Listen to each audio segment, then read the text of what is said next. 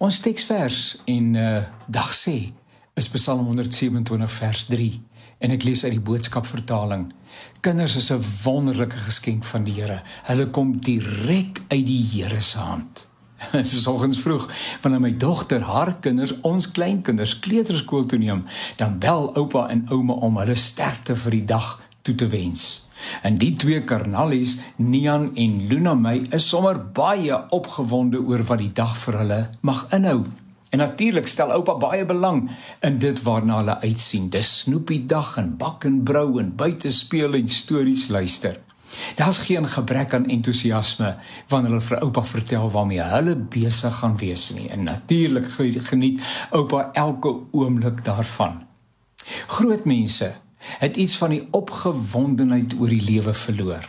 Suid-Afrika se uitdagende omgewing om in te probeer oorleef met 'n politieke onstuimigheid, sosiaal-maatskaplike omstandighede en ekonomiese werklikhede, bly daar eintlik maar min oor om oor opgewonde en entoesiasties te wees.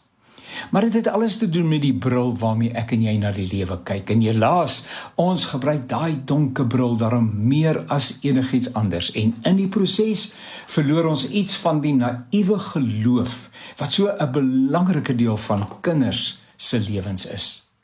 Is dit verkeerd of is dit so dat groot mense verleer het om te lag, sommer spontaan uit die maag, vry en sonder inhibisie?